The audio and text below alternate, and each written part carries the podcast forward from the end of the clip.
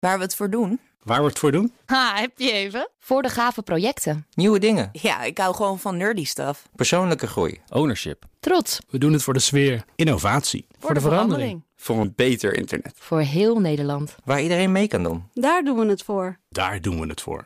Waar doe jij het voor?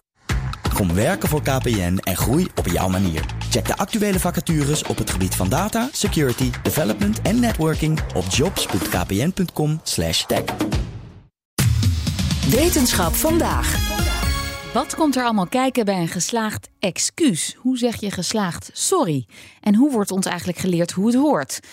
Dat, daar gaan we het met de wetenschapsredacteur Carlijn Meinders over hebben. Carlijn, dat klinkt iets als uh, ja, um, waar politici, mediamagnaten, CEO's nog best wat aan kunnen hebben. Oh, zeker. Dat zijn ook allemaal groepen waar de onderzoeker die hier meer over weet naar kijkt. Dan heb ik het over Daniel Jansen van de Universiteit Utrecht. Volgende week staat hij op het Bedweter Festival van de Universiteit Utrecht om hier meer over te vertellen. Maar ik sprak hem vandaag alvast even over hoe excuses werken, eh, wanneer ze goed werken. Want makkelijk is het voor ons mensen niet. Daarom uh, moet er volgens Jansen ook zo vaak om gevraagd worden, hè, om die excuses. Uh, we kunnen wat dat betreft niet zo heel goed naar onszelf kijken als je aan mensen vraagt van uh, wie, aan wie ben jij nog excuses verschuldigd, dan moeten ze heel diep nadenken en komen ze misschien uh, met iemand. Maar als je aan ze vraagt van wie, wie is jou nog excuses verschuldigd, dan weten dat allemaal heel erg precies. Ja. Dus uh, kennelijk is het iets dat we heel erg belangrijk vinden, want we onthouden het heel erg goed. En we onthouden vooral dingen heel erg goed die op de een of andere manier een negatief effect op ons hebben gehad. Ja, daar wringt het dus al een beetje. Want weten we wel en weten we eigenlijk hoe lang we al excuses over en weer aanbieden? Nou, uh, je, je vindt het bijvoorbeeld al terug in de Bijbel. Uh, op een bepaalde manier ook wel in Griekse literatuur, maar ook in de natuur in zekere vorm tussen dieren. Dat herstellen van de sociale band, wat je eigenlijk probeert te doen hè, als mm-hmm. een van de twee vindt dat die beschadigd is. Het kan natuurlijk ook non-verbaal. Uh, dieren maken zich vrij klein of denk aan een hand opsteken. Ik, ik denk dat we dit in ieder geval al heel lang op een bepaalde manier wel doen. En de manier waarop we dan sorry zeggen, is dat nog veranderd door de tijd heen? Behalve in taal. Er maar... zijn. Uh, ja, er zijn zeker bepaalde trends te zien. Als je kijkt naar de stappen in excuses, dan ziet Jansen niet direct verschil. Maar wel als je kijkt naar de lengte. We hebben een onderzoek gedaan waarin we excuses van de afgelopen tien jaar hebben vergeleken. En hebben we gekeken naar eigenschappen van die excuses van de eerste vijf en de tweede vijf jaar. En dan vinden we eigenlijk maar één verschil, namelijk dat ze echt opvallend langer zijn geworden. Dat vind ik wel interessant, omdat je um, bij excuses wordt altijd getwijfeld aan de oprechtheid ervan. En een van de manieren om, uh, om te laten zien dat je het echt meent, is door er tijd aan te besteden. En, en tijd in tekst zijn, zijn, natuurlijk, zijn natuurlijk woorden. En dus een excuus aanbieden mag je niet te makkelijk afgaan. En dat, dat kun je heel erg goed laten zien door heel zorgvuldig je woorden daarin te kiezen en er voldoende woorden uh, aan te besteden.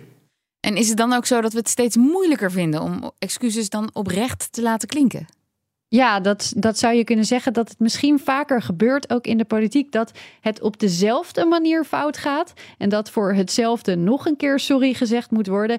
En dan heb je meer woorden nodig, dus om het nog een beetje oprecht te laten klinken. En dan zit er natuurlijk ook in sociale relaties een max aan het aantal keer dat je daarmee wegkomt. Ja. En na drie keer uh, sorry zeggen voor te laat komen bijvoorbeeld. Ja, hoe geloofwaardig is het dan nog dat het je iets uitmaakt, ja, zeg ja. maar, op dat moment.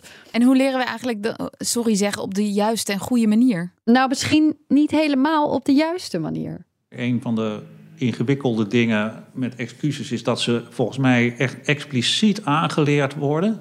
En je leert als kind niet uh, een vraag stellen of een bevel geven of uh, informatie geven of zo. Maar je leert wel heel expliciet om excuses te maken. He, zeg sorry tegen opa. Uh, en dat leer je eigenlijk veel te jong. Als je twee, drie bent en al een beetje kan praten. En, uh, maar vaak helemaal niet het idee hebt wat je nou precies fout gedaan hebt. En, en als je dat al hebt, heb je al helemaal geen idee geen enkel idee wat waarom je daar nou sorry voor moet zeggen. Anders dan, dan dat dat kennelijk moet. Dus dat voelt helemaal niet iets als dat vanuit jezelf komt. Maar dat is iets wat afgedwongen wordt. En door, notabene door je ouders. Degene die je uh, primair op de wereld zijn om jou te beschermen. Die, die brengen jou in die situatie uh, waarin ze je niet beschermen. En die een enorme schaamte oproept. Ja, en is dat dan iets waar we last van blijven houden? Ja, ja, dat schaamtegevoel is onderdeel van hoe moeilijk het is. Maar het maken uh, van excuses vanuit jezelf, niet omdat iemand anders vindt of zegt dat het moet, dat is dus ook iets wat we misschien niet helemaal goed aanleren. Maar zeker, uh, misschien moeten we in ieder geval een beetje af van het gevoel dat het aanbieden van je excuses een soort vernedering voor jezelf is moeten het misschien meer zo zien. Het is een behoefte om een relatie te herstellen, omdat jij iets hebt gedaan wat tegen verwachtingen of behoeften van andere mensen inging. Nou ja, en dan is het ook nog zo dat die verwachtingen per persoon verschillen. Zeker, ja, ja, dat maakt het ook weer moeilijker. Voor wat hoor je bijvoorbeeld wel en niet sorry te zeggen? Jansen gaf een paar mooie voorbeelden. Het openhouden van een deur. Als je dat niet doet voor iemand anders, zeg je dan sorry? Of wel. als iemand vlak achter je loopt, bij hoeveel meter doe je dat dan? Ja. Hij noemde ook uh, vrouwen die dan zeggen: Oh ja, sorry, ik heb mijn haar vandaag niet gedaan, bijvoorbeeld.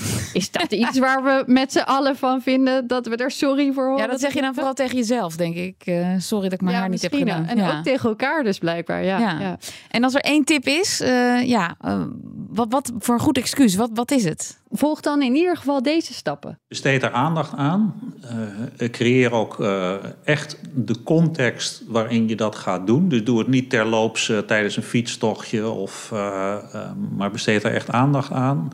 En, en zorg dat je, dat je heel erg expliciet bent. Dat je echt zegt om waar precies bied je excuses voor aan. Waarom hè, wil je die, die excuses aanbieden? Wat denk je dat je een ander daarmee hebt aangedaan? Hè? Dus dat is het onderdeel waarmee je empathie toont. En bevestig nadrukkelijk dat je, dat je de normen uh, die dan zijn overschreden deelt. Dus als je te laat gekomen bent, dat is gewoon een simpel voorbeeld. Uh, maar zeg dan van ja, nee, ik, ik vind dat ik op tijd moet zijn.